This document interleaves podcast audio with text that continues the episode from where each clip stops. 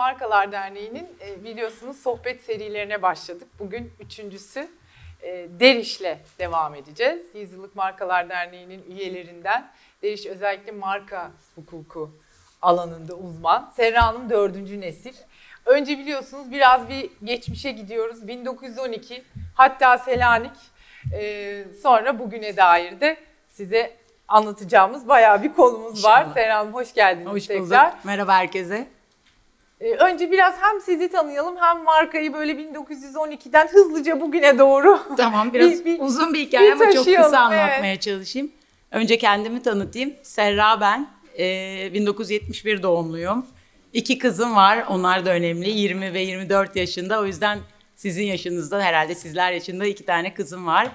Ee, aslında avukat bir ailede büyüdüm. O yüzden de biraz kendi alanımda yemek sohbetlerinden itibaren, aile sohbetlerinden itibaren şu anda içinde bulunduğum alanı biraz biraz tanımaya başladım. Bizim yaptığımız iş fikri hakların korunması, marka, patent, tasarım, hukukçu olarak ama çok e, özel bir alanda çalışıyoruz. Ben bu alanda çok böyle büyülendim çünkü e, bu alan öyle bir alan ki küçük yaşta bile olsanız inovasyon, marka çok günlük hayata dair şeyler, her etrafınızda gördüğünüz şeyler. Ben aslında hukuku da bu işi yapmak için okudum. Yani yoksa böyle bir e, öyle bir hukuk aşkıyla değil de daha çok bu alanı çok sevdiğim için ve damlasyonu bitirdim İstanbul'da. Sonra Cenevre Üniversitesi Hukuk Fakültesi'nde hukuk lisansı yaptım ve 94 yılında buraya dönüp denkliğimi yapıp işte 23 yaşında çalışmaya başladım. E, o, o zamanlar güzel zamanlardı bizim işi yapmak için. Türkiye Gümrük Birliği'ne girdi. Bütün fikri hakların e, kanunları değişti. Bizler tabii o alanda çalıştığımız için bayağı güzel e, o döneme e, şahitlik ettik ve sektör büyüdü. Türkiye büyüdü o dönemlerde. Böyle keyifli biraz yokuşlu ama keyifli bir yolculuktu. Şirketin yolculuğu biraz tabii çok daha eski. Aslında Selanikli bir aile 1910 yıllarında buraya geliyorlar ve 1912'de ilk avukatlık bürosu olarak kuruluyor. Daha sonra 59 yıllarında uzmanlaşmaya başlıyor fikri haklar konusunda ve işte deriş patent ve marka acentalığı diye markaların tescilini yapan bir şirketle birlikte avukatlık yapmaya devam ediyorlar. Ee, şu anda e, aslında işte üçüncü nesil şimdi yavaş yavaş yönetim kurulu seviyesinde günlük yönetimden hafif hafif elini çekerken dördüncü nesil ve e, yavaş yavaş da beşinci, Beşinci nesil nesil. şirkete gelmeye başlıyor ama tabii bu süreç sadece bizde aile şirketi değil aynı zamanda şirketin büyümesi ve kurumsallaşmasıyla da denk geliyor. Yani şu anda yapının içinde sadece aile mensupları yok. Ayrıca e, avukatlık ortaklığı gibi farklı farklı e, avukatların da ortak olduğu biraz daha kurumsal bir yapıya döndü. E, yani ben başladığımda 20 kişiydik. Şimdi aşağı yukarı 80-90 kişilik bir hukuk bürosu.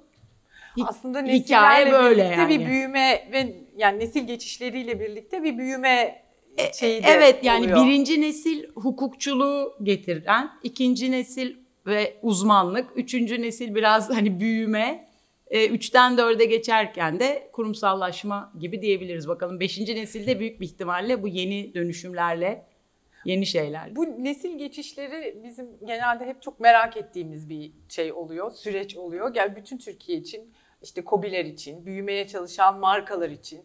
Ee, şu anda da birçok, birkaç nesil burada bir aradayız. İki nesil, üç nesil. Onu böyle hani biraz zorlukları ya da e, işte kurumsallaşmak deyince de bir, bir, bir tek türü yok. Bazen biraz yanlış anlaşılıyor. Yani illa çok büyümek gerekmiyor kurumsallaşmak için bir düzen oturtmak, bir sistem, o nesillerin ihtiyaçlarını kavramak, onları yerleştirmek. Siz o süreci en sağlıklı şekilde yönettiniz görebildiğim kadarıyla. Nasıl ipuçları verirsiniz bize? Neye dikkat etmek lazım nesil geçişinde? Ee, aslında şöyle nesil geçişi de olsa kurumsallaşma da olsa birinci yani bizde şu anda dediğim gibi üçüncü nesil artık yavaş yavaş yönetim kurulunun karar aşamasında. Şu anda biz dördüncü nesil olarak yönetiyoruz. Burada tabii sadece aile mensuplarını değil şu anda orada yöneticilik yapan herkesi e, ele alıyorum. Şimdi bizimki bir hizmet alanı avukatlık. O yüzden birinci öncelik nesil geçişinde bizim alanda veya hizmet alanında uzmanlık.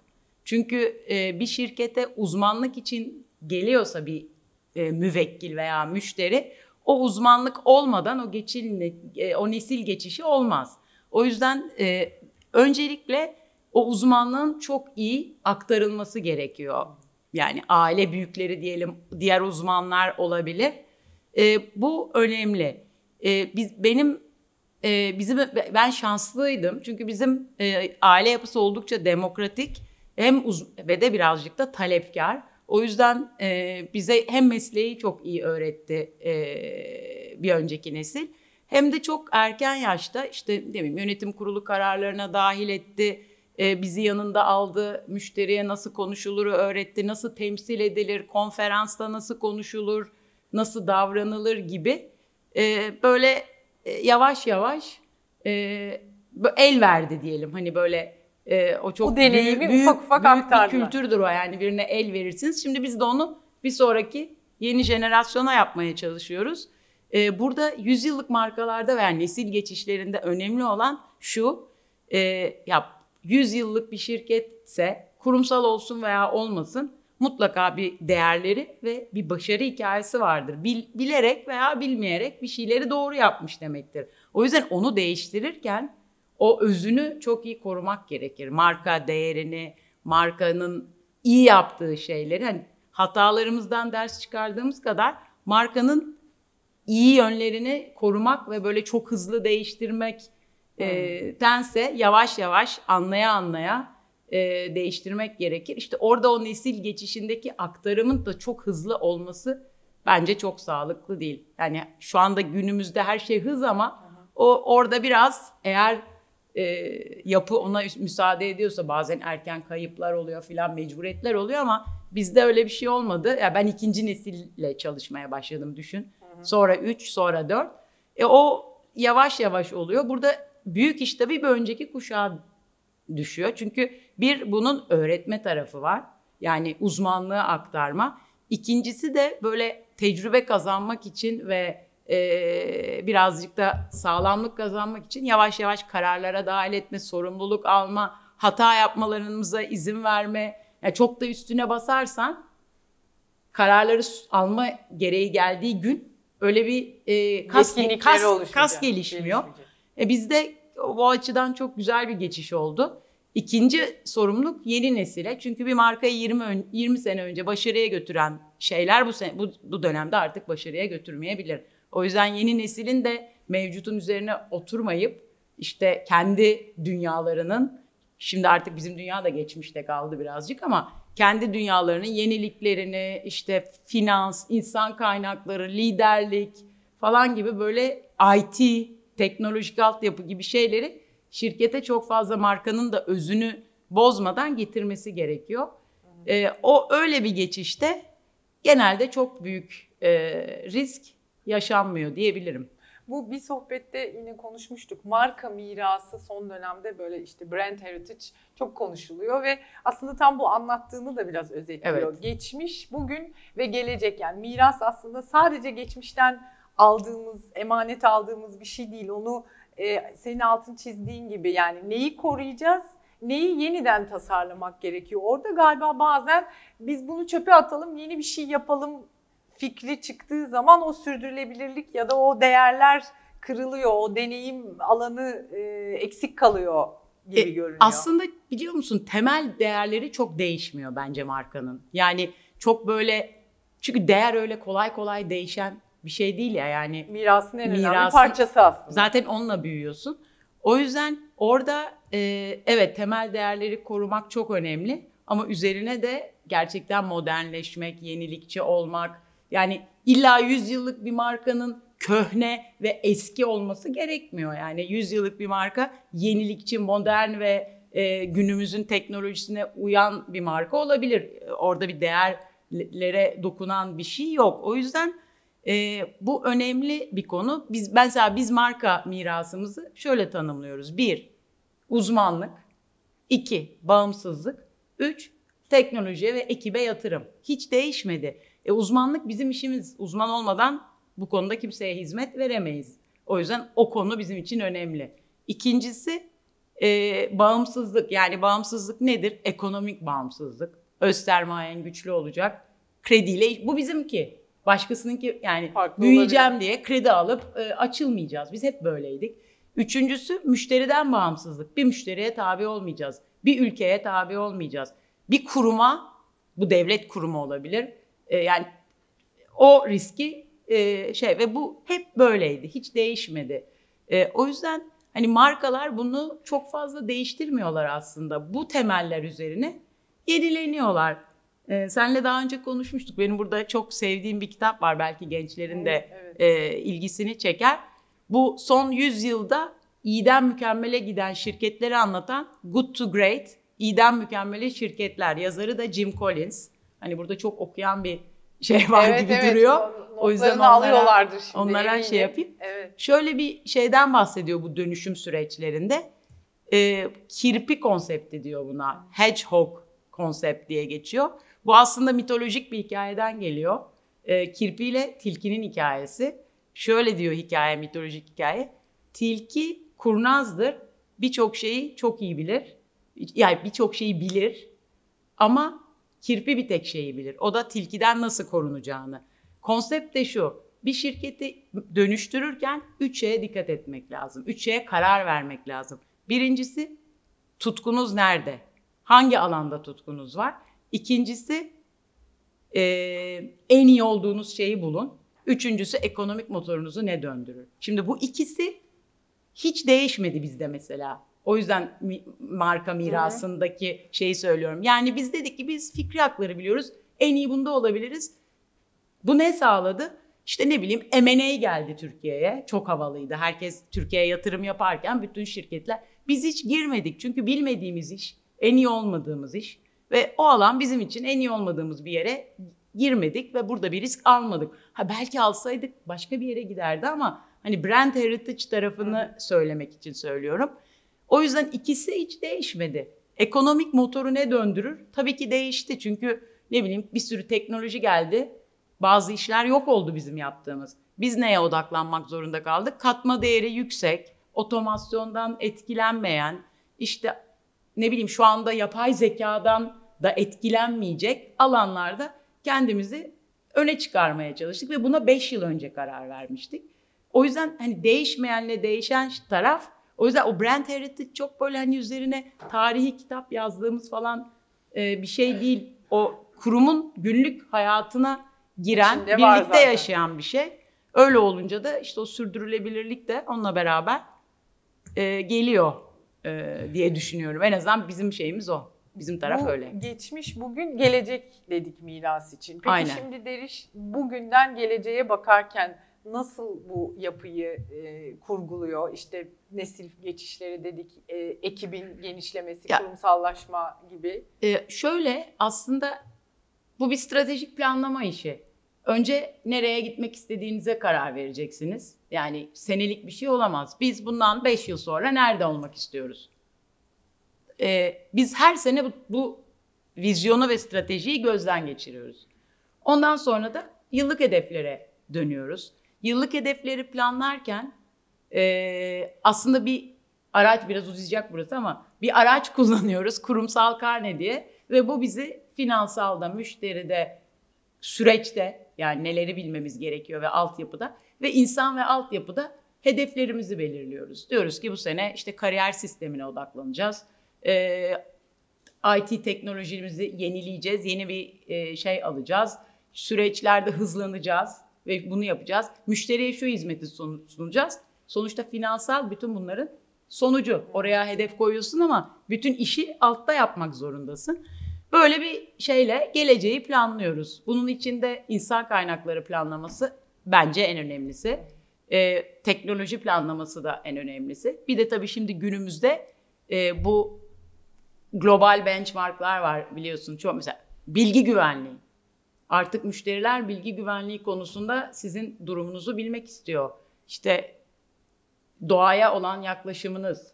e, o da artık yani bu tür altyapıda da işte evet mesela Türkiye'nin en iyi şirketi olmak. Çünkü iyi iş gücü onlara bakıyor. Yani biz de ne, ne istiyoruz? En yüksek potansiyelli öğrenci bizi tercih etsin istiyoruz. Yani bu karşılıklı bir seçim süreci. Bu tip şeylerde işte 5 yıl sonra nerede olmak istiyoruz? 10 yıl sonra nerede olmak istiyoruz diye her sene böyle böyle biraz demin de sohbetini yaptık. Özellikle yine yeni nesiller işte üniversiteler, öğrenciler, meslek sahibi olmak deyince bir girişimcilik konusu gündeme geliyor. Hatta şimdi yine fikri haklardan tabii hmm. biraz daha detaylı bahsedeceğiz. Sizin sorularınız da olabilir. E, fikri haklar sadece bir markanın, girişimcinin ya da işte sadece hukukla çerçeveli bir şey değil. Aslında herkesin de tabii, çok ilgilendiği tabii. bir alan girişimciler için böyle hani Türkiye'deki e, ortamı ya da o konuda gençlere verebileceğimiz ipuçları olabilir mi? Nasıl? Şimdi strateji bence çok kritik. Yani bir kere onu muhtemelen aklımızda tuttuk. Yani bir hedefi iyi koymak, hani ona bir iyi çalışmak gerekiyor ama ondan sonra girişimci adayları neler yap, ee, yapsınlar? Neler yani şöyle etsinler? bir kere hani girişimcilik nasıl bir şey? Belki onu en azından benim bildiğim e, sonuçta ben bir avukatım. Çok da böyle bir hikayem yok ama benim gördüğüm kadarıyla yani girişimci nedir? Aslında yeni fikri olan, değil mi? E, yeni iş modelleri üreten, biraz bağımsız çalışmak isteyen yani bir kurumun altında çalışmayan ve vizyonu olan birisi. E, peki her girişimci yani her orijinal fikri olan, her e, vizyonu olan ve her e, hatta buluşu olan kişi girişimci olabilir mi? Veyahut da başka ne gibi şeyler gerekir girişimci olmak için? E, buna birazcık hani kafa yormak lazım bu yolculuğa çıkmadan önce. E, şimdi burada baktığınız zaman girişimciliğin biraz önce konuştuk en önemli kısıtı sermaye. Daha doğrusu sermayeye ulaşmak. Eğer öz sermayeniz varsa da o büyük sermayeye ulaşana kadar o öz sermayenizi iyi yönetmek. E demek ki burada finans bileceksiniz, ekonomi bileceksiniz, yönetim bileceksiniz, insan kaynağı, ekip yönetimi bileceksiniz. O ekibe liderlik edeceksiniz. Peki bitti mi? Bitmedi. İletişim bileceksiniz, satacaksınız çünkü. Fikrinizi satmanız lazım. İşte proje yönetimi bileceksiniz, zamanlamasını yapacaksınız, satış bileceksiniz. Şimdi bunun genç yaşta bir kişide bir anda bütün bu yetkinliklerin olması çok kolay bir iş değil. Yani e, o yüzden de hani benim gençlere önerim böyle bir sevdaları varsa iki şey yapabilirler. Ya çok genç yaştan bu konulara kafa yoracaklar. İşte okullarının dışında finansla ilgili kurslar alacaklar, yönetim, liderlik Belki var. deneyim var bunları. çalışacaklar. Ha bu işte bunların bazıları da tecrübeyle kazanıyor. Belki bir süre kurumlarda e, bu konularda çalışacaklar ya da ekiplerine Hani bir ekip kurarken proje ekipleri de böyledir ya herkesin bir görevi vardır. Bir vizyoner varsa e, mutlaka bir ayağı yere basan, parayı kontrol eden, yöneten, işte süreyi kontrol eden birisinin olması lazım. Ya da ekiplerine böyle insanlardan oluşturup yola çıkmak gerekir. E, bir de tabii insanın başarı ve başarısızlıkla, riskle olan ilişkisiyle çok bağlantılı. Çünkü biraz yapacaksın, bozacak, başarısız olacaksın, tekrar yola çıkacaksın. Ee, ve bu başkasının riskini taşırken de çok kolay bir hikaye değil. Bir tek sen batmıyorsun çünkü seninle beraber yola çıkan insanlar da seninle yarı yolda kalabilir. O yüzden bunlara da hazırlıklı olmak lazım. Şimdi sorunun ikinci tarafı makro taraf. Yani ülke ve eğitim sisteminin girişimcilikle ilişkisi ne Türkiye'de nasıl? Ha. Yani burada iki konu var. Şimdi bir eğitim sistemi çok çok önemli. Çünkü bütün bu bahsettiğim konular ya bizim eğitim sistemimiz uzmanlık konusunda tam belki bazı üniversiteler farklı filan ama uzmanlık konusunda çok iyi üniversitelerimiz var. Teknik okullar, tıp, hukuk fakülteleri filan. Ama girişimcilik için bahsettiğim konular bu okullarda neredeyse hiç okutulmuyor. Yani mesela tıp fakültesinde veya hukuk fakültesinde ekonomi veya başka bilgiler okunmuyor veya liderlikle ilgili vakit yok böyle bir şeye. O yüzden de Birincisi bu eğitim tarafı. Biraz çok yönlü eğitim e, bence çok önemli. Girişimcilik açısından söylüyorum ve yönetim de açısından yani ileride. E, ikincisi de devlet politikaları. Yani sonuçta ne yazık ki hani bütün girişimci hikayelerinin yüzde 95'i nereden çıkıyor? Amerika'dan ve Batı'dan. E, bu bir oradakiler daha mı akıllı? Hayır değil, hiç değil. Yani oradaki gençler daha mı kapasiteli? Hayır değil. Ama eğitim ve ülke politikaları hep bu tarafta bu ortamları yaratıyor. Türkiye'de de var tabii kıpırdanmalar. Yani çok da böyle Var, batırmayalım. Ee, çok güzel, Güzel oluşumlar örnekler var, evet. şey var ama daha biraz Yolumuz yol- da var. yolumuz da var. Yani evet bir iki tane çıkıyor hikayeler, duyuyoruz onları ama e, birazcık e, e, çok da büyük bir hukuk şey e, ekonomik belirsizlik var. Yani he- bütün bu ortam girişimcilik için ne kadar uygun? Evet belki de bu çok büyük bir fırsat. Yani o da olabilir. İşte bütün bunları e, görmek, değerlendirmek ve bu yola çıkmadan birazcık da hazır olmak, hazırlıklı olmak gerekir.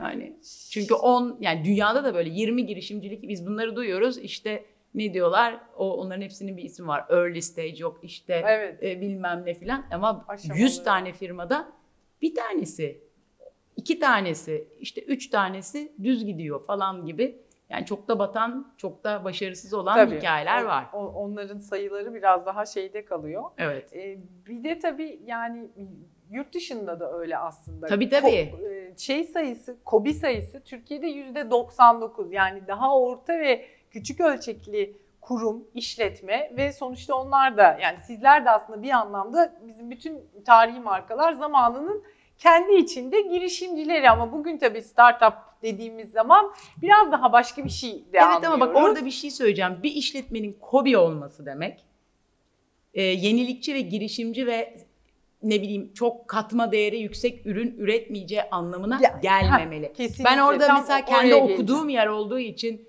e, bahsedebilirim. Mesela İsviçre dünyada kişi başına en çok patentin olduğu, en çok buluşun yapıldığı ve tabii ki o işte refahı ve şeyi çok e, yüksek olan ülkelerden bir tanesi. Tekno yani belki herkes çikolata tarafını biliyor ama çok ciddi e, şey teknoloji var, e, mikro teknolojiler falan var. E, orada da işletmelerin biliyor musun %98'i KOBİ. Tabii tabii öyle. O yüzden onu yani yüzden. KOBİ olmakla kesinlikle. o yüzden devlet politikası diyorum yani. evet, evet. e, bir kü- belki biraz işte eğitim dediğim Aha. kültürel bir e, şeyi de var onun, altyapısı Aynen. da var. Yani biz derişin köklü kültürü diyoruz.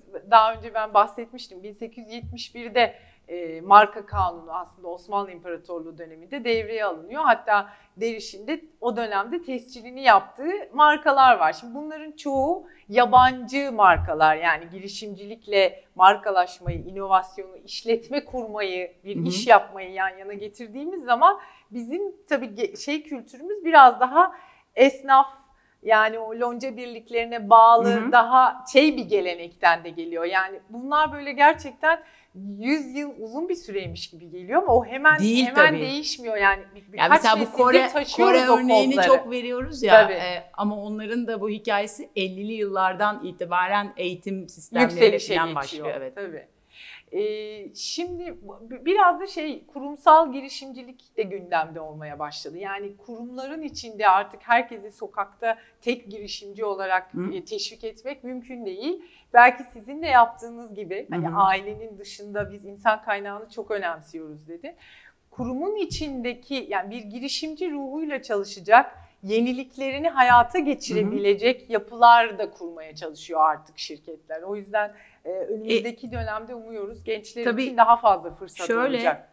E, bir kere e, kur- aynen senin dediğin gibi kur- girişimci ruhundan iki şey anlayabiliriz. Birincisi oradaki şirketi kendi şirketiymiş gibi sahiplenip o şekilde çalışması.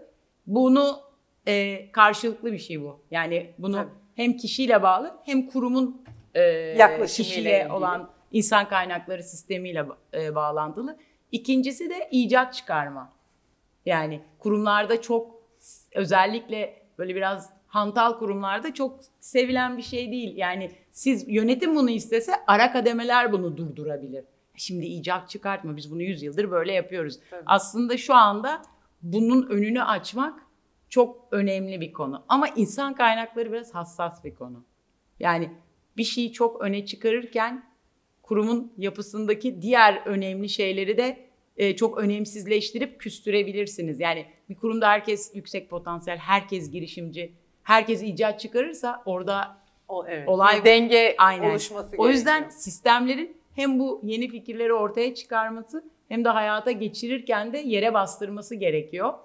O işte belki kurullar, bu, bunların tartışılabileceği yerler filan böyle şeylerin olması gerekiyor. Evet, o ortamların yaratılması Burada da gerekiyor iş kurumların gerçekten içinde. insan kaynaklarının yani sistemine çok e, düşüyor.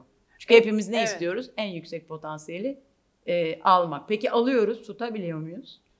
Ve de onların kendilerini gerçekleştirmesine fırsat veriyor muyuz? Yoksa en yükseği alıp üstüne basıp öldürüyor muyuz? Yani onlara çok çok iyi bakmak lazım. Evet, nefes alacak ortamları yeşerecek Alıp bir de o aidiyet duygusuyla sisteme dahil etmek ve e, başarmak lazım bunu. Bence şu anda bütün şirketlerin ama bak bütün hepsinin eksiği yok. En çok kafa yorduğu hani diyorlar ya toplu iş bir de pandemi girdi tabii hayatımıza. İnsanlar kendi hayatlarını sorgular oldu ve onunla onunla birlikte e, biliyorsun toplu işten ayrılmalar Var, falan evet. her Tabii, bütün tabii. psikologlar bütün her Bütün yerde dünyada o- bütün dünyada bu doğru. konuşuluyor. O yüzden oralarda da gerçekten ekip e, bir bence bir markanın, bir şirketin en önemli unsuru.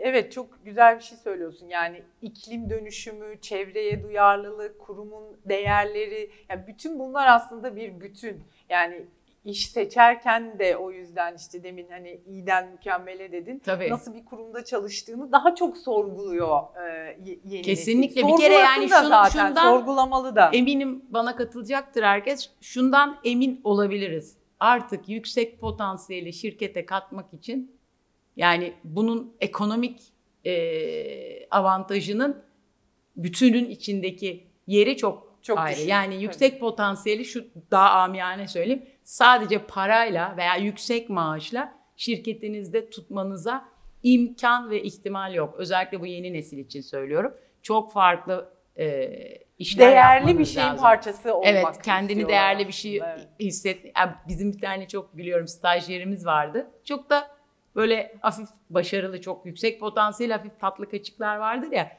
Geldi ikinci ayı ben dedi bir impact yaratmak istiyorum şirkette. Kızım dedim daha ikinci ayın. Ha, dur bir işi öğrenseydin falan ama gerçekten böyle bir etki bırakmak istiyorlar lafı laf. Ve bu güzel bir şey ama bunu da yönetmek lazım. Yani Evet. gerçekle de bağlaş, bağlamak lazım. Çünkü Doğru. uzmanlık da zaman içinde kazanılan Oluşan, bir şey kazanılan yani. bir şey. Hani Doğru. uzman olduğunu sanmak başka, uzman olmak başka. O işte o denge Hem motive etmek hem Aynen. doğru evet. yani aynen. Hem gerçekle yüzleştirmek hem motive etmek önemli. Önemli. Ee, teknolojiden bahsettin. Yani hatta üç temel değerinizin bir tanesi Aha. yanlış hatırlamıyorsam özellikle ona verdiğiniz önem şimdi çok gündemde ve sürekli de değişiyor. Yani big data, big data diye konuşuyorduk. Şimdi metaverse girdi hayatımıza. Özellikle sizin işte, işte NFT'ler konuşuluyor falan. Çok da bir kocaman bir konu. Belki onun için ayrı bir şey de yapmak lazım. Metaverse ile ilgili diyeyim genel olarak ya da şu andaki bu yaşanan bütün dönüşüm, dijital dönüşüm diyelim adına. Siz onu hani kendi mesleğinizde nasıl hissediyorsunuz, nasıl yönetiyorsunuz ya da ileriye dönük nasıl görüyorsun, nereye doğru gi- gidiyor? Takip etmeye çalışıyorum ben de marka cephesinden. Vallahi ben de takip etmeye çalışıyorum. Ama gerçekten bir koşuyor yani çok evet. şey Şimdi dönüşüm bir problem değil. Hep dönüşüyoruz. Ee, dij- sağlıklı bir durum dij- dijital dönüşüm de çok alıştığımız bir kelime. Yani bu yeni bir şey değil. değil. 10 senedir, 15 senedir konuşuyoruz işte. Fak- Fakat sorun şu anda onun hızı. Yani o hıza yetişmek için hepimiz nefes nefeseyiz. Ve özellikle pandemiden sonra e, o da çok e, ciddi bir dönüşüm pandemi. Çok hızlandırdı. Evet. Zaten bir Ama hızlı bak- ivmesi vardı. bakın, Şu ana kadar yani metaverse, blockchain, NFT, e, başka ne? Yapay zeka hadi biraz daha eski ama bu üç kavramı e, en azından ben yani başkaları e, nasıl bilmiyorum ama son bir senedir duyar olduk. Değil mi? Bir seneden Öyle. önce büyük bir ihtimalle onunla ilgili araştırma Evet. yapan e, kişilerin bildiği ancak nihayet tüketicinin veya bizlerin hiç bilmediği kavramlardı şimdi. E, ama şimdi çıktı ve nereye gideceğini de bilmiyoruz. Yani işte böyle insanlar e, sitelerden bu digital art dediğimiz şeylere NFT e, ve şey dünya Mil- para milyon veriyor, milyon biller paralar ödüyorlar, falan. Yarın belki sıfır tutmayacak bilmiyoruz. Aynı şekilde Metaverse'de dükkanlar açılıyor bu sanal alemde. İşte e, yok birisi değil bilmem ne rapçinin yanındaki dükkanı alıyor oraya dünyanın parasını veriyor falan. Ama onu da bilmiyoruz. Gerçekten bu bir alternatif olacak mı? Yoksa olmayacak mı? Yani belki pandemiden sonra sönüp gidecek. Herkes sokağa çıktığı zaman, herkes hayata şey yaptığı zaman belki bitecek. Bilmiyoruz. Ama markaların şöyle bir şeyi var. Bunu görmezden gelemiyorlar. Bu bir fırsat mı? Fırsat olabilir. Yani bir risk mi? Evet bir risk. Yani gittin bilmem nerede şu kadar paraya bir tane dükkan aldın. Orası çöplük çıktı. Bitti. Ama başkası alırsa ne olacak senin dükkanını? Ve senin ismini kullanırsa? Yani o yüzden mecburen bu işin içine çekildiler şu anda en azından öyle gözüküyor. Ee, ve e, şu anda orayı yönetmeye çalışıyorlar. Peki orada sanal bir emlakçı mı olacak? Bu bir hukuki mesele. Ben hukuki tarafına bakıyorum. Hı hı. Marka taklidi nasıl olacak? E peki o marka taklidine kim engel olacak? Kanun yok. Yani hukuk şey mahkeme yok. Orası özel bir alan. Şu anda bir devlete hiçbir şey düzenlenen hiçbir mi şey yok. oraya? Bir devlete özel kuralları var. Yani nasıl o internet sitesinin veya o neyse onun adı. E, e şimdi bütün vergi bu satışlardan hangi devlet vergi alacak? Nasıl? Nasıl vergilendirilecek? Devletler tehlikede, bankalar tehlikede. Buna müsaade edilecek mi veya gücümüz yeti- gücü yetecek mi de bilmiyorum. Gerçekten hani o kadar ama bu alan önümüzdeki yıllarda çok tartışılacak. Hem hukukçular tartışacak, hem finansçılar tartışacak, Markalar devletler tartışacak. Yani düşünsenize bu altern buraya kayarsa e, e, oradan ne kim hangi hangi, satıştan kim kadeve alacak mesela? Böyle saçma sapan ama çok e, cevabı olmayan cevabı olmayan çok var. fazla soru var. Kimi diyor ki mümkün değil bunu böyle bırakmazlar. Mutlaka regüle edilecektir. Kimi diyor ki kimsenin gücü yetmeyecek. O regüle de tabii hep yine böyle bir şey. Bilmiyorum yani. Yeni bir yani. pazar Bilmiyorum. Biz de, ben daha yeni internetten alışveriş etmeye alıştım. o da yani çok alışamadım. O yüzden bilmiyorum gerçekten nasıl olacağını. Ee, Ben özellikle bu INTA üyeliğinizden daha önce çok sohbetini yaptık. Evet. Zannediyorum burada şu anda kaç kişi var şöyle bir daha çok hukuk e, şeyinde olan el kaldırabilirler mi? Tamam. Evet. Ee, bir, bir bahsetmiştin. Evet. Onu biraz merak ediyorum aslında. Oradaki üyeliğiniz, projeleriniz uluslararası bir projeydi Evet, aslında- çünkü. INTA e, Uluslararası Markalar Birliği 30 bin üyesi var. E, bu üyelerin arasında markaların yani şirketlerin hukuk bölümleri, bizim gibi e, şirketler yani mesleki olarak bu işi yapan marka vekilleri diyeyim. Artı gençler var. Gençlerle çok güzel projeleri var. E, biz de onlarla bir sürü projeler yapıyoruz. E, komiteleri var. Gençlere çok güzel üyelik fırsatları var. Böyle çok ucuz böyle yıllık 25 dolara falan e, o platformdan faydalanabiliyorlar. Onların e, konferanslarına katılabiliyorlar ve güzel e, biz de mesela Soleil burada benle beraber onunla Hı hı. bir proje yapıyoruz. Taklitle mücadele ile ilgili Unreal bu projenin adı. E, İnta'nın amacı da bütün bu taklit çünkü taklit dediğiniz şey sadece markayı etkileyen bir şey değil. E, özellikle çok ciddi kaçakçılık, e, kara para aklama, e, şey ticareti, e, terör terörü fonlama gibi çok büyük şeyleri var ve inanıyoruz ki biz bu ekip olarak gençlere bunları aktarabilirsek bu işi kökünden onlar bunu almayacaklar. Çünkü aldıkları şeyin bir tek taklit olduğu değil. Sonuçta der ki bana ne o şirketten? Ben işime bakarım ama o değil sadece. O şirkete Çok zarar vermiyor. var aslında. Belki o taklit e, gelen para gidiyor işte Güneydoğu'daki terörü fonluyor E, veya aynı adamlar aynı zamanda e, ne bileyim ben işte uyuşturucu ticareti, silah kaçakçılığı falan yapıyor. Çünkü böyle karteller var. Özellikle sigara, ilaç e, bunlar böyle hani bizim kapalı çarşıda gördüğümüz esnaf taklitçinin çok ötesinde boyutu var dünyada. Ve herkes de buna kafa yoruyor. İNTA da dedi ki bizim yapmamız gereken gençleri bu konuda eğitmek. Bu proje dünyanın bütün ülkelerinde e, devam ediyor. Biz de burada yapıyoruz. Çok da keyifli oluyor gençlerle bir araya Yine gelmek. aslında biraz daha her şey ne diyelim her alanı da ilgilendiren bir konu. Tek başına yani hukuk Yok şeyiyle de değil hayır yani değil bizim orada aslında. yaptığımız eğitim bir hukuk eğitimi hiç Hmm. değil. Ee, Sadece bir, bilinçlendirme kampanyası. Hedefi bu. Gençleri taklitin taklitle ilgili bütün sorunlarla nasıl ayırırlar? Sağlığa olan sorunları var. Yani bir sürü e, farklı alanda bilgilendirmek. Ee, yine demin onun sohbetini yapıyorduk. Fikri haklar e, işte buradan bir marka atölyesinden bir öğrencim geçenlerde beni aradı. Hatta demiştim şu anda burada bilmiyorum uzağda göremiyorum ama böyle bir sohbet yapacağız. Ya hocam bizim bir platformla ilgili bir fikrimiz var. Biz bunu nasıl koruyabiliriz? Hmm. Yani aslında fikrini korumak, fikrini e, önce belki önce geliştirmek fikri, sonra korumak, sonra onu sunmak. E, Soli Hanım'la da demin sohbetini yapıyorduk. E, hem buraya davet ettim hem birkaç fikir verdim hem de dedim ki yani mümkün olduğu kadar stratejik bir şekilde ilk olmaya çalış. Fazla gecikmeden projeni yapmaya çalış. Bu fikri hakların korunması ile ilgili belki hepimiz hem markalar hem bireysel olarak da bir çok geniş bir konu ama Yok. neye dikkat etmek ya lazım? Önce, Herkesin fikri çok kıymetli önce, çünkü. Önce kötü haberi vereyim sonra iyi haberler. Yani fikir aslında korunmuyor tek başına. Yani benim bir fikrim var. E, tamam okey. So what diyor ya. Yani. Yok şey olarak kanunu yani fikri haklar korumasını bu fikri nasıl koruyacaksınız? Nasıl koruyabilirsiniz? Bir kere iş modeli tek başına o fikir yani ben internette ilk defa e, işte ne bileyim mesela e, tıbbi hizmetleri internet üzerinden vermeye başladım. İşte Teledoc diye bir şey var ya Amerika'da şimdi Türkiye'de de var. E, e, onu Türkiye'de de yapıyorlar. Burada koruyabildiğiniz şey fikrin kendisi değil bu sistem. Neyi koruyorsunuz? Markayla buna verdiğiniz Apple mesela ismi koruyorsunuz.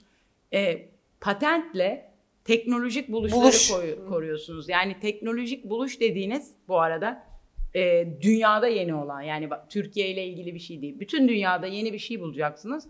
Onun bir de teknikte uzman kişiler tarafından böyle ne var canım yani her mühendis bunu düşünür olmayacak. Biz ona e, sürpriz e, bir sonuç çıkacak o buluşta. Onu koruyorsunuz. Çok güçlü bir koruma teknolojik buluşlar ve yani dünya bu özellikle büyük şirketlerin en önemli e, değerleri, patentleri. Üçüncüsü e, telif hakkı.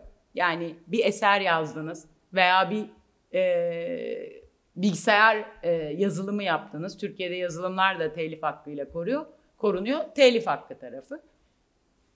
Dördüncüsü tasarım. Bir ürünün şeklini, e, orijinal şeklini koruyabilirsiniz. Yani bunların her birinin ayrı korunması var. Ama şimdi tabii ki biz bir gençten bir projesini e, sahneye çıkarmak için bunların hepsini yapmasını bekleyemeyiz. Bunları bilmesi önemli. Bunu yapmadan önce belki bu projeyi bir işte ne bileyim bazen e, internette ürünler var zaman damgalıyor hmm, evet. ya da noterde tasdik etmek var veya bunu birine sunacağı zaman bir gizlilik sözleşmesi bir e, gibi yani o hakkın kendine ait olduğunu ve e, belirten bir sözleşme imzalamak protokol. gibi şeyleri, protokol gibi şeyleri düşünebilirler. Ama dediğim gibi e, yani hadi sen markanı tescil et, hadi şunu yap demek biraz tabii ki e, başlangıçta Yine kolay değil. Yine aslında çok ba- bacaklı, çok yönlü bir şeyden Evet yani neyi herhalde. korumak istiyorsun? Markanın adını mı? Altında bir yazılım çalışıyorsa telif mi? Hı hı. Ya da bir bir sürü e, şekil ve tasarım unsuru varsa tasarımı mı gibi hep o soruları sormak gerekiyor. Özellikle girişimciler için çok önemli bu fikri haklar konusu. Bizde nasıl bu patent baş yani Türkiye'deki patentle ilgili özellikle buluş tarafıyla ilgili başvuruların böyle bir hani oranı az çok dünyaya oranla ya da daha işe yarar başvuru geliyor Şöyle, gelmiyor. Çünkü belli ki çok zor bir. Türkiye, Türkiye'ye başvurular yurt dışından gelenleri saymıyorum. Çünkü onlar tabii ki e, bu kavramlar ülkesel. O yüzden dünyadaki bütün ülkelerdeki patentleri korumak istiyorsanız Türkiye'de Türkiye'ye de başvuru yapmaları lazım ve tescil edilmesi lazım. O yüzden onları saymıyorum. Onlar e, oldukça geniş. Türkiye'de patent sayılarında artış var. E, çünkü ARGE merkezlerinde çok ciddi çalışmalar yapılıyor. E, e, çok da ciddi teşvikler var. Yani okullar, e, şeyler yaptıkları patentle e, şey alıyorlar, fon alıyorlar. Hı hı. O yüzden sayısal olarak çok önemli bir artış oluyor. Ama nitelik olarak e, aynı ivmeyi henüz göremiyoruz. Gelecektir mutlaka ama bir patentin yani nedir? Teknolojik bir şeyi yazıyorsunuz ve hayata ama her patent hayata geçmiyor ki ondan bir ürün üretilmiyor ki aslında sanal bir şey o. Yani bir buluşu yapıyorsunuz prototip bile yapmanıza gerek yok yazıyorsunuz ve o kadar. Ama o satılır mı? Kim kim onunla lisanslayabilir misiniz? O sizin patent portföyünüzde bir ekonomik değere dönüşür mü? Onun için tabii nitelik daha önemli yani sayıdan. Orada biraz Türkiye e, yani dünyayla kıyasladığımızda daha birazcık yolu var ama bazı sektörlerde çok ciddi e, gelişimler var evet. Güzel haber. Ee, biz böyle sohbetin bir bölümünde soru cevap kısmını ayırıyoruz. O, Hadi o ayıralım. yüzden ekleyeceğimiz bir şey yoksa bir hemen şeye dönelim, öğrencilere dönelim. Onların Tabii memnuniyetle. sorularını e, alalım. Hem marka ile ilgili, telifle ilgili. Teşekkürler e, konuşma için. Cabir Kaplan İTÜ Matematik Mühendisliği. Sertifikasyon süreçlerindeki pahalılık. Bunun e, özellikle 1-2 yıldan beri CE sertifikasını alamıyoruz. Avrupa'daki bir kuruma başvurmak zorundayız. Aha. Bu konudaki e, çalışmalar ne alemde? Bir bilginiz var mı? Neyle ilgili almak istiyorsunuz sertifikasyonu? CE sertifikasyonu. Anladım. Ee, benim uzmanlık alanım değil. Herhalde onun bir takım e, şeyleri vardır alabilmek için. Ee, açıkçası böyle bir zorluk olduğunu bilmiyordum. Bu sert neden alamıyorsunuz? Pahalılık yani. Bir Hırvatistan'dan bir e, firma Aha. Ee, sadece bir yıllık sertifikasyon sürecinde e, yaklaşık e, yani 420 bin liraya tekabül eden bir parayla sadece bir günlük bir inceleme verebiliyor, veriyor. Hı hı. E, Türkiye'de eskiden hani 1-2 yıl öncesine kadar e, TSE sağlıyordu bunu. Ama şimdi Türkiye'de yok. Sağlamıyor Avrupa, mu? Hayır sağlamıyor. Avrupa standartlarını sağlamıyor şu an. Ve e, çok yüksek bir pahalılıkla karşı karşıya kalıyoruz. E, Dolayısıyla e, sadece bunu sağlaması değil, bunun firmayla arada bir acente firmasıyla görüşüp yaklaşık bir 190 bin lira en makul fiyat bu firmayla iletişimi sağlayıp bunu yönetmesi için para vermek zorunda kalıyorsunuz. E, böyle bir problem var. Bunu e, nasıl çözeriz acaba? 1-2 yıldan beri de bu var. Çünkü e, Yani sanırım ben ben en son kaldığımda bu konuyu bir kere araştırmıştım. Ee, gümrükle ilgili özellikle malların ithalatıyla ilgili e, araştırdığım bir konuydu. O zaman bu sertifikayı Türk Standartları Enstitüsü'nden alabiliyordunuz. Şu anda böyle bir şey durduysa bu yeni bir şey. birlikte. neden E, ihtiyacınız oluyor bu e, sertifikaya? Ee, Hangi bir konuda? prototip, prototipi olan bir ürünün Aha. e, bir sertifikasyon, tıbbi bir ürünün Ürün, ha. sertifikasyonu lazım ki dünyaya pazarlayabilelim. Anladım. E, bundan dolayı e, bir problem var. Bu sertifikasyon Avrupa Birliği se- sertifikasyona ihtiyacı var. E, dolayısıyla bu da çok pahalı ve bu pahalılık zincirini e, geçebilmek lazım ki pazar veya fabrika kurulsun. İşte- Ki onlarda böyle bir yatırım göreyim, fabrika göreyim. e, sadece prototip yetmiyor. Bunu gerçek bir şey var mı? Yani onları da görmek istiyorlar. Dolayısıyla çok çok daha pahalı bir hale almaya başlıyor. İşte bu aslında biraz bahsettiğimiz hem makro düzeyi Evet. hem e, girişimciliğin e, mikro düzeyi. E, eğer ülkede bunları destekleyen, mesela patentle ilgili destekleyen bir takım TÜBİTAK'ın o teşvikleri şey, bazı teşvikler var ama TÜBİTAK'ta var ama bu e, sertifikasyon meselesini bugüne kadar hiç duymadım. E, bilmiyorum hiç TÜBİTAK'a başvurdunuz mu bu konuda? Çünkü tüb- oradan da mı bir sonuç alamadınız? Yani aslında e, biraz şöyle, bir fon desteği var ama prototip anlamında var. E, ama ya bu gelişim anlamında tamam belli bir yere kadar geliyor ama sertifikasyon pahalı bir süreç olduğu için e, bir problemle karşı yatırımcı e, bu riski almak istemeyebiliyor. Öyle bir problemle karşı karşıya kalıyor. Evet. Ben bu e, şey meselesini bilmiyorum. Bir, E, yine de- araştırırım ama Evet, onu söyleyecektim. e, şeyden ben- sonra mail adresimi veririm size. Bana bir iletişim. mail atın. Bir, ben bir soruştururum bu konuyu. Merhabalar, hoş geldiniz. Ee, Ben Gülşah Durkan, felsefe öğrencisiyim Mimar Sinan'da. Ee, Şirketler için ve kurumlar için felsefenin gerekliliği hakkında ne düşünüyorsunuz onu merak ediyorum. Çünkü şirketler için felsefe daha yeni bir konu ee, ve bu konu hakkında görüşlerinizi çok merak ediyorum. Ee, yani bir şekilde felsefenin e, o kadar çok alanı var ki yani bu e, şirketler için felsefeyi tanımlarken çünkü bu çok kişisel de bir tarafı var. O yüzden bunun altında ne var aslında benim için? Sürekli farklı farklı alanlarda insanın kendini geliştirmesi gerekiyor. Bu alan uzmanlık olduğu alanın olması e, şey değil, yeterli değil. E, felsefe bu alanlardan biri olabilir. İş dünyası ile ilgili kitaplar bu alanlardan biri olabilir. E, insan kaynakları ve insan kaynaklarının temelinde o da bir e, şey yatan şeyler olabilir. O yüzden buna baktığımız zaman aslında bunu biraz çok yönlülük gibi düşünmek lazım. Ben bugüne kadar şirketler açısından açıkçası felsefenin önemi nedir diye bir şeye girmedim. Ben şuna inanıyorum.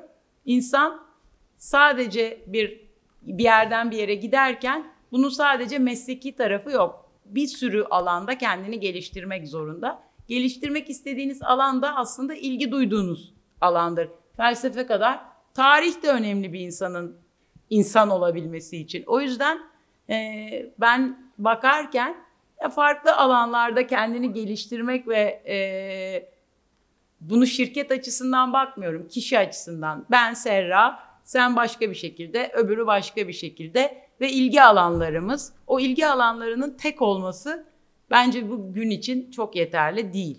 Ee, ama bunun içinde her şey olabilir. Kimisi teknoloji okur.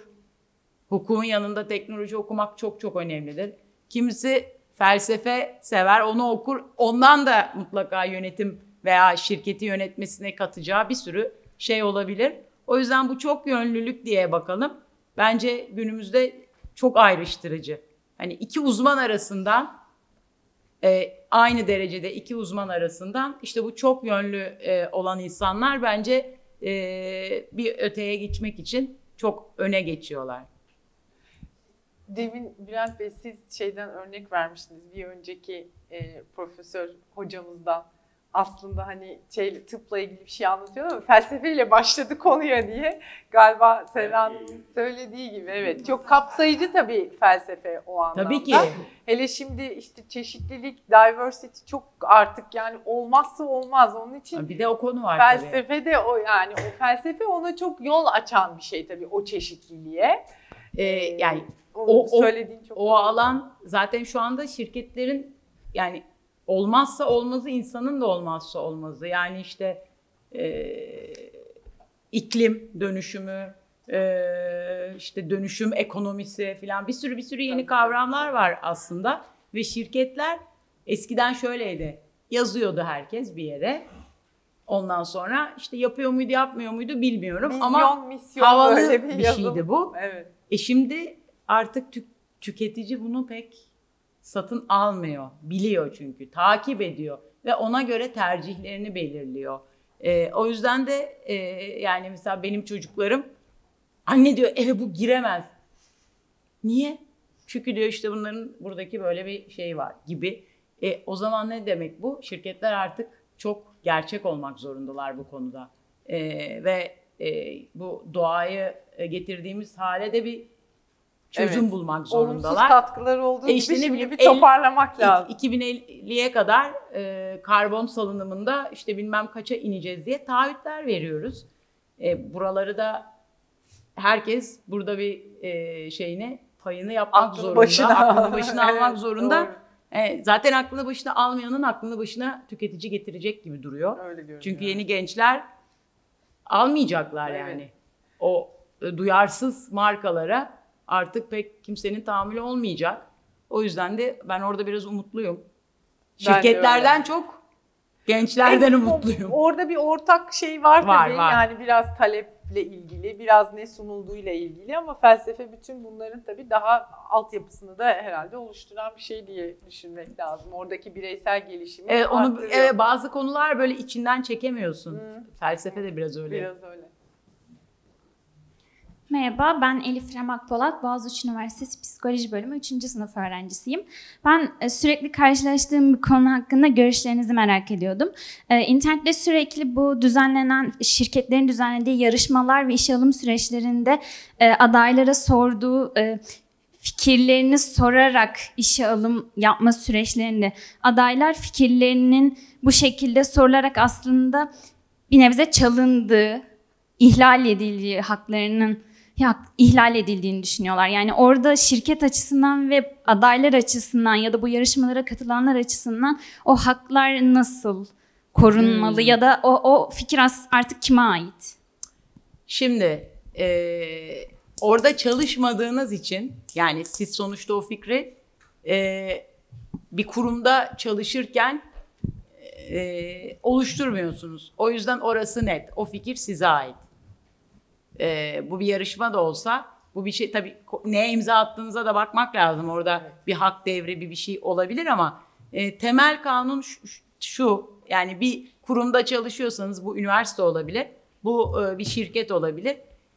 İşiniz çerçevesinde yaptığınız yani siz bir şirkette çalışıyorsunuz, bir üniversitede e, araştırma görevlisisiniz.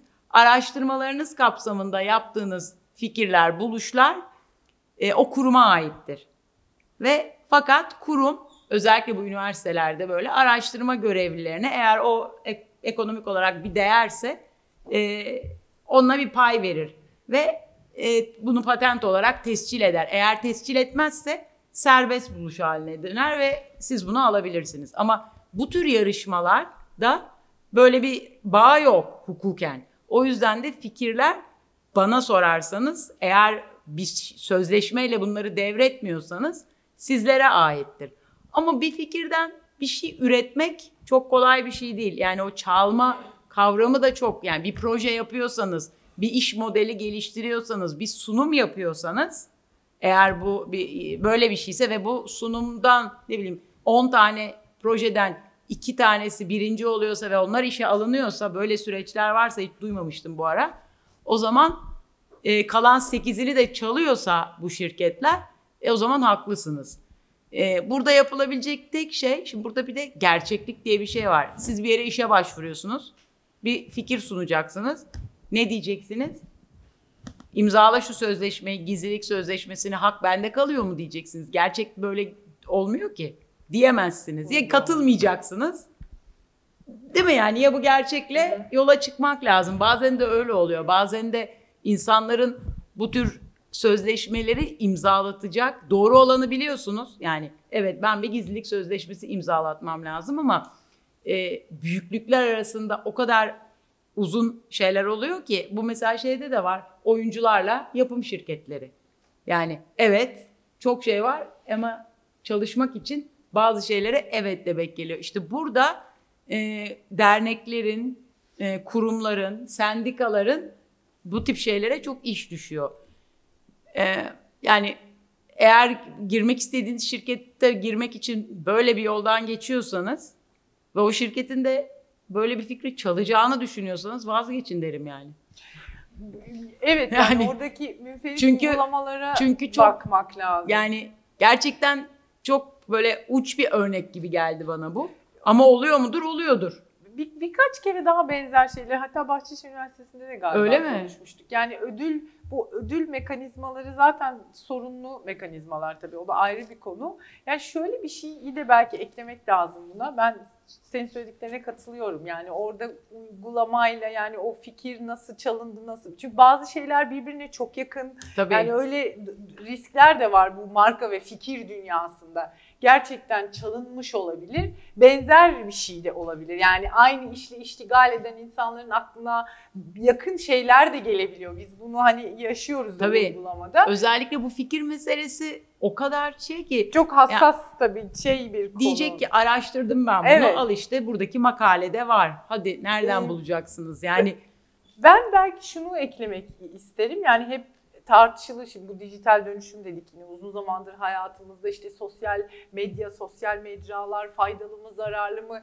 O çok ayrı bir konu şimdi yine ona girip fazla uzatmayalım ama verimli kullandığımız zaman dijital zaten ona karşı çıkmak mümkün değil. Sosyal medyanın da çok e, olumlu şeylere vesile olduğunu düşünüyorum. Mesela bu tip kritik şeyleri bizim bazen başımıza geliyor. Böyle değil ama LinkedIn'de örneğin tatsız bir iş görüşmesi yapmış bir genç. yani paylaşıyorlar tabii. İfşa ediyor mesela ve bunlar gerçekten yani izi kalan özellikle de büyük markaların e, aslında özen göstermeye gayret ettiği ama iletişim anlamında ama ileriye dönük belki samimiyetle biz de hata ettik deyip neyse kendilerini bir şey yapıp e, sorgulayıp diyelim bu anlamda. Onun için yine aynı şeyi önermiştim o zaman da yani bu, bu tip sorularla karşılaşınca bir münferit olay varsa hani onu bir incelemek lazım. Hatta biz de bireysel olarak da akıl fikir veririz, katkı sağlarız. Bir yani ya ifşa etmek lazım ya peşine Evet düşmek bu senin lazım. işin. iletişim Evet tarafı. ama çok yani böyle ince ince çizgi iyi anlamak lazım konuyu. Tabii ki gençleri, öğrencilerimizi risk altında bırakan ya da art niyetli bir şirketin sürekli böyle bir fikirler alıp alıp onları projelendirip falan böyle yaptığı bir durum varsa onun peşine düşmek lazım. Mutlaka da açığa çıkacaktır diye düşünüyorum. Kastettiğim orada öyle bir şey değilse Bir eğer. tek size önerim bu tür yarışmalara girmek için bir şey imzalıyorsanız ne o imzaladığınızı İyi bakın, bir evet. okuyun. Eminim vardır arkadaşlarınız hukukçu.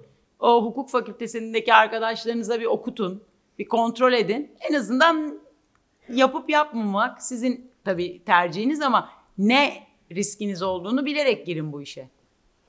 Çok sürdürülebilir bir şey değil aslında böyle Yok, şeyler. tabii. Çünkü artık her şey çok ifşa ed- ediliyor. Edilmeli de zaten. Yani bunu düzenleyen hani büyük markaların böyle bir şeyde e, yani böyle bir stratejileri olabileceğini pek düşünmek istemem. Yani ARGE ekipleri var, ürge ekipleri var. Buna kafa yoruyorlar büyük bir markaysa. Yani küçükse de zaten onu nasıl organize eder?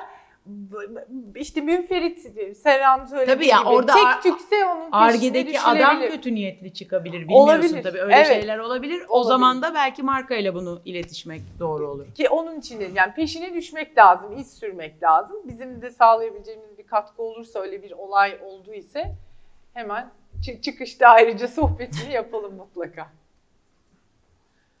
Ee, Merhaba. Ee, Elif Özer ben. Boğaziçi Üniversitesi Ekonomi Bölümü son sınıf öğrencisiyim.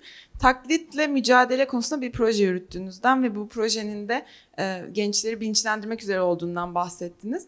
Bu taklit e, ürünler mevzusu aslında hem e, yani tüketiciye zararı var hem markaya zararı var hem de bir yandan o e, şeffaf ticari e, alana zararı var. O noktada e, sorumluluğun nasıl paylaşıldığını düşünüyorsunuz? Yani tüketicide bir sorumluluk var markada e, ve denetleyici ve düzenleyici kurumlarda ne tarz bir e, sorumluluk var Şimdi, o noktada? Şöyle tüket ben e, hukuki sorumluluk anlamında bakarsanız aslında hukuki sorum tüketicinin bir hukuki sorumluluğu yok. Yani bazı çünkü niye bunu böyle söylüyorum? Bazı ülkelerde taklitin kişisel kullanımı bir suç. Yani adam sizi yolda durduruyor mesela Fransa'da böyle yolda durduruyor. Üzerinizdeki bir taklitse onu el koyup size karşı bir hukuki işlem başlatabiliyor. Türkiye'de böyle bir şey yok. Taklitin kişisel kullanımı bir suç değil bizim kanunumuza göre. O yüzden tabii ki buradaki eee, yaptırım devlete düşüyor ve markanın sahibine düşüyor. Bu şikayete bağlı suç bunlar.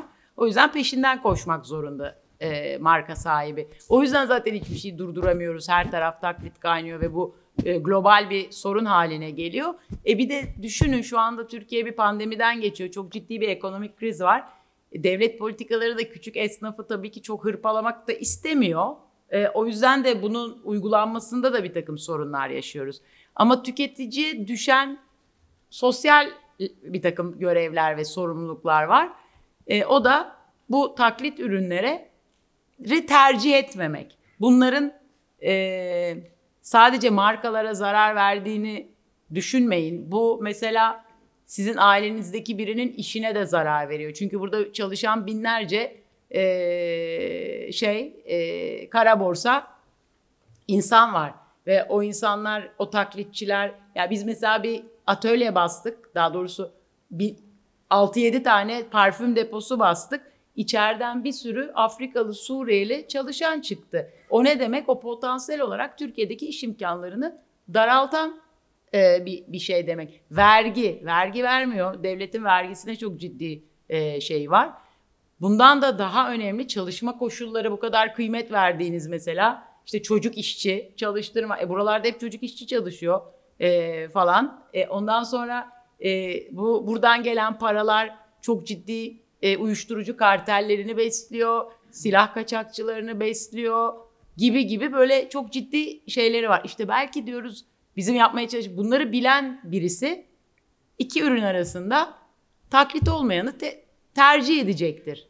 Ee, yani bizim e, şeyimiz bu. Bili- yani gençleri en e, erken yaşta bu problemleri bir, bir şey yapmak. Ama tabii tercih yine de kişiye ait. Yani pazarda olduktan sonra gidip alana da kanunen veya hukuken bir şey diyemeyiz. Ee, şu anda Türkiye'deki durum bu. Belki ileride değişir. Evet orada etik tabii yani ekonomik dengeler bir tarafa. Ben mesela bir ara bu korsan taksiyle ilgili çok akıl yoruyordum. Çünkü etrafımda böyle oldukça yakın mesafedeki kişiler bile sıkışınca kullu mesela o da aslında biraz belki Tabii, tam birebir değil aynen. ama öyle bir şey. Yani sonra bunun sohbetini buradaki bir problem herhalde alışkanlık yani hepimiz düşebiliriz o tuzağa. O kadar hayatınızın içine giriyor ki onu normal görüyorsunuz. Ben o zaman fark etmiştim. Korsan taksiyi aslında hepimiz şey gönderiyor ya tanıtım şeyleri gönderiyor böyle işte bilmem ne limu- limuzin falan diye yani öyle bir sektör oluşmuş ki Kesin. Orada mesajlar geliyor telefonunuza bizimle Asude, seyahat orada edin iki şeye falan diye. bakmak lazım. Bir hani şey e, Türkiye'deki bir sürü alanda olan e, şey ekonomi yani Evet kayıt dışı kayıt diyelim dışı ona. ekonomi diyelim. O apayrı bir şey. O her alanda var Evet. ve her alanda ciddi bir problem. E, taklit birazcık daha e, işin kriminal boyutu da var Evet, yani. doğru. O açıdan önemli. bir, bir kat daha önemli. Bir, evet bir kat daha ama tabii ki o da önemli. Orada da vergi kaçakçılığı E çünkü var. Da kırmızı ışıkta geçmek yani, Yani- orada geçiyorsan orada da geçiyorsun yani. Şunu o- düşünsene. Aynı işi yapıyorsun. Sen şirketini kuruyorsun. Vergini veriyorsun. Sosyal sigortalarla ilgili ödemen gereken her şeyi tam ödüyorsun. Yaptığın iş A'dan, yani taksi plakanı ödüyorsun. Yaptığın iş A'dan B'ye gitmek. Alabileceğin para aynı. Öbür tarafta adam taksi parası ödemiyor. Şirket kurmuyor. Vergi ödemiyor. Yani başa çıkmak mümkün değil ama Evet. bu her alanda var. Yani inan ki hukukta Var. bile var. Yani tabii ki. Yani fatura kesmeyen yok mu? Var tabii. Her alanda var. Evet o da böyle O- taklitten genişleyen bir Aynen. şey yani. Yani hem biraz kültür alışkanlıklar hani neyi ne Yani kadar Belki kucakladığınızla çok sempatik ilgili. bir şey olmayacak ama yani bu birazcık da ceza yaptırım şeyi. Yani Evet, trafikte e, şimdi alkollü araba kullanan kaldı mı? Kalmadı. Niye? Çünkü ciddi ceza ve şeyler var. Yani o çok hani polis devleti olmak gibi değil ama Evet evet. E, o çerçeveyi doğru çizmezseniz e, ve e, kuralları da böyle her zaman farklı farklı uygularsanız Esnetmeden belki evet. evet. Çok kritik yani işte bunları belki daha çok konuşmak ve bakmadığımız cephelerden Aynen. de bakmak lazım. Yani bu taklit ve kayıt dışı ekonomi ve bir, bir sürü şeyle. Felsefeye buradan bile ba- bağlayabiliriz sizi. Ben yine felsefeyle de ilgili konu. Ben sorabilirim. tabii E, başlangıçta e, çoğu bölümde ekonomi hakkında az derslerin olduğunu söylemiştiniz. Bunların içinde tıbbı da saydınız. Haklısınız. Hiç bu konuda ders yok ama sanki bu konuda ders almak etik de olmaz gibi geliyor bana. Ee, ben hiç öyle düşünmüyorum. Yani sonuçta bakın e, ne yapmak istediğinize bağlı. E, mesela avukatı alın. Yani sonuçta hepimizin bir mesleği var. Değil mi? E, ekonomi bir örnekti ama liderlik mesela veyahut da finans diyelim ekonomik e, şeyinde ama bir hastane yönetecekseniz veya biraz başka bir takım şeyler yapacaksanız e bununla ilgili bir bilginiz olması ya kendi muayenehanenizi bile yöneteceksiniz yok mu onun bir muhasebesi? Yok mu onun bir e, artısı eksisi? E, yani bizler evet hukukçuyuz. Çok ulvi bir meslek yapıyor olabiliriz veya siz de yapabiliyorsunuz ama sonuçta bu bir meslek ve bunun bir ekonomik boyutu var. Yani bu yüz ve farklı bir şey öğrenmek yani bunu illa şey olarak düşünmeyin işte paraya önem vermek bu bir şey bunun içinde istatistiği var bunun içinde farklı data analizlemesi var yani mesela strateji var. strateji var, hukuk önemli. belki e, ne bileyim e, data analizi apayrı bir şey onun içinde. Yani ekonomi dediğim zaman sadece şey olarak para olarak değil de ekonomi bilimlerinde bence hukukçuların da e, av- doktorların da kullanacağı istatistik var, bir sürü bir sürü farklı bilim var. Liderlik var, iletişim var mesela bizim için çok önemli. Belki doktorlar için o kadar değildir ama o da bir bilim. E, ekibe liderlik etmek var. Yani e, nasıl edeceğinizle ilgili bir takım nasıl mesela bir yöneticisiniz siz. Fark etmez ki doktorsanız da yanınızda 10 tane genç asistan çalışacak. Onları nasıl yetiştireceksiniz? Nasıl bir yöneticisiniz? Onu bile bilmek. e, bunlar ancak bir takım testlerle, bir takım derslerle geçen gün gençlere biz bir e, eğitim yapıyoruz hukuk öğrencilerine. E, 12 tane hukuk öğrencisi e, ne yazık ki 12 kişiye sınırlamak zorunda kaldık. Liderlikle ilgili bir eğitim serisi yapıyoruz. Geçen gün de onlarla yönetici tarzlarını konuştuk. Goleman yönetici tarzları. Mesela işte kriz anında hangisi olur? Ee, pozitif olan kurum üstünde hangi yönetici tarzıdır gibi şeyler. Mesela bunlar çok evrensel, meslekten bağımsız şeyler. En azından ben öyle düşünüyorum. Bir de hani belki biraz tecrübe de ben bu işlere e, 45 yaşından sonra merak saldım. İnsan kaynakları, stratejik yönetim falan ve yani şu anda be- hep hep diyorum e, Soleil de burada bilim. Keşke 25 yaşında bunu yapsaydım. Gerçekten çok farklı bir kurumda çok farklı şeyler yapabilirdim gibi hissediyor. O yüzden ben sürekli avukatlarla da yaparken bu eğitimleri mesela fikri haklar eğitimi yaptık. 6 e, şeylik. Şimdi 6 seanslıkta liderlik yapıyoruz. Bunun içinde iletişim var, e, mavi okyanus stratejisi var. Yani o kadar farklı yani mavi okyanus stratejisi de kendinizi nasıl ayrıştırırsınız? Köpek balıklarının olduğu yer kırmızı. Herkes aynı mesela girişimcilik için çok önemli bir şey bu. Çünkü Farklılaşmak için Evet, ne yani- yapmak lazım? Kırmızı Okyanus'ta herkes işte köşede herkes kahve dükkanı açıyor. Orada e, her yer kırmızı ama Mavi Okyanus kendi e, kendi farklılaşabileceğiniz ve kimsenin gitmediği yerleri bulmaktan geçiyor. Mesela girişimcilik okuyacak birinin bu teoriyi, bu kitabı okuması, Çok işine yarar. şey evet. yapması önemli. Yani bu tür böyle birazcık e, bilim ol kendi başına belki bir ders e, olmaz bu ama e, çok vizyon açacak konular var ve hepsini bilmek mümkün değil. İşte bu alanda tecrübesi olan kimselerin bu programları oluşturması gerekiyor gençlere okullarda. Bu ders olabilir, seçmeli olabilir, atölye olabilir. Siz bu sizler burada çok güzel atölyeler yapıyorsunuz. O tarafta olabilir ama böyle hep uzmanlaşmak değil yani birazcık da dünyayı okumak, işte felsefe dedi arkadaşınız. Evet ben mesela bu alanı seçtim kendime. Burada bilgilenmek istiyorum. Tek alan yok e, bu alanda ama e, bence tıpta da e, ekonomi derslerinin özellikle istatistik, data analizi gibi şeylerin okutulmasında bence büyük fayda olur. Evet. Bence. Güzel haber o var. İletişim, iletişim de diyorum mesela ben Evet, çok. aynen İletişim öyle. Yani o kadar herkesin aslında ihtiyacı olan bir bu çeşitlilik tabii bireysel farklı çeşitlilikle birlikte bir de kendi çeşitliliğimiz de aslında çok kıymetli. Öyle sağlanıyor o çeşitlilik. Yoksa gerçekten prototip insanlar yetişiyor. Hani şimdi yeni nesil de buna çok ilgili görünüyor bence. Yani o yüzden işte çift ana dallar değil mi? Farklı bir, birkaç şeyi birden e, okumak, öğrenmek, bilmek. Kendimizi de öyle çeşitlendirmemiz gerekiyor. Uzmanlık kıymetli ama o artık yeni dönemin şeyi çok, Yetmiyor ya. çok yetmiyor. Yetmiyor Katılıyorum. yani. Yani. İletişim herkesin edinmesi gereken yani iletişim deyince tabii çok geniş bir şeyden bahsediyoruz ama yine buradan felsefeye bir selam olsun. Yani birbirimizi anlamak, dinlemek, doğru duymak yani en en basit haliyle bu alıcı verici şeyini sağlıklı kurabilmek de mesela yine öyle. Yoksa hani illa her tıp doktoru adayı e, oturup maliyet muhasebesi falan öğrensin değil. Fakat o da bir değer yaratacak ve o değerin bir karşılığı olacak. Yani bu para olmak zorunda değil, iki çuval pirinç de olabilir. Ben hep onu söylüyorum ama o bir değer değişimi. Onun içinde onlarla ilgili bir fikri olursa hiç fena olmaz, katılıyorum.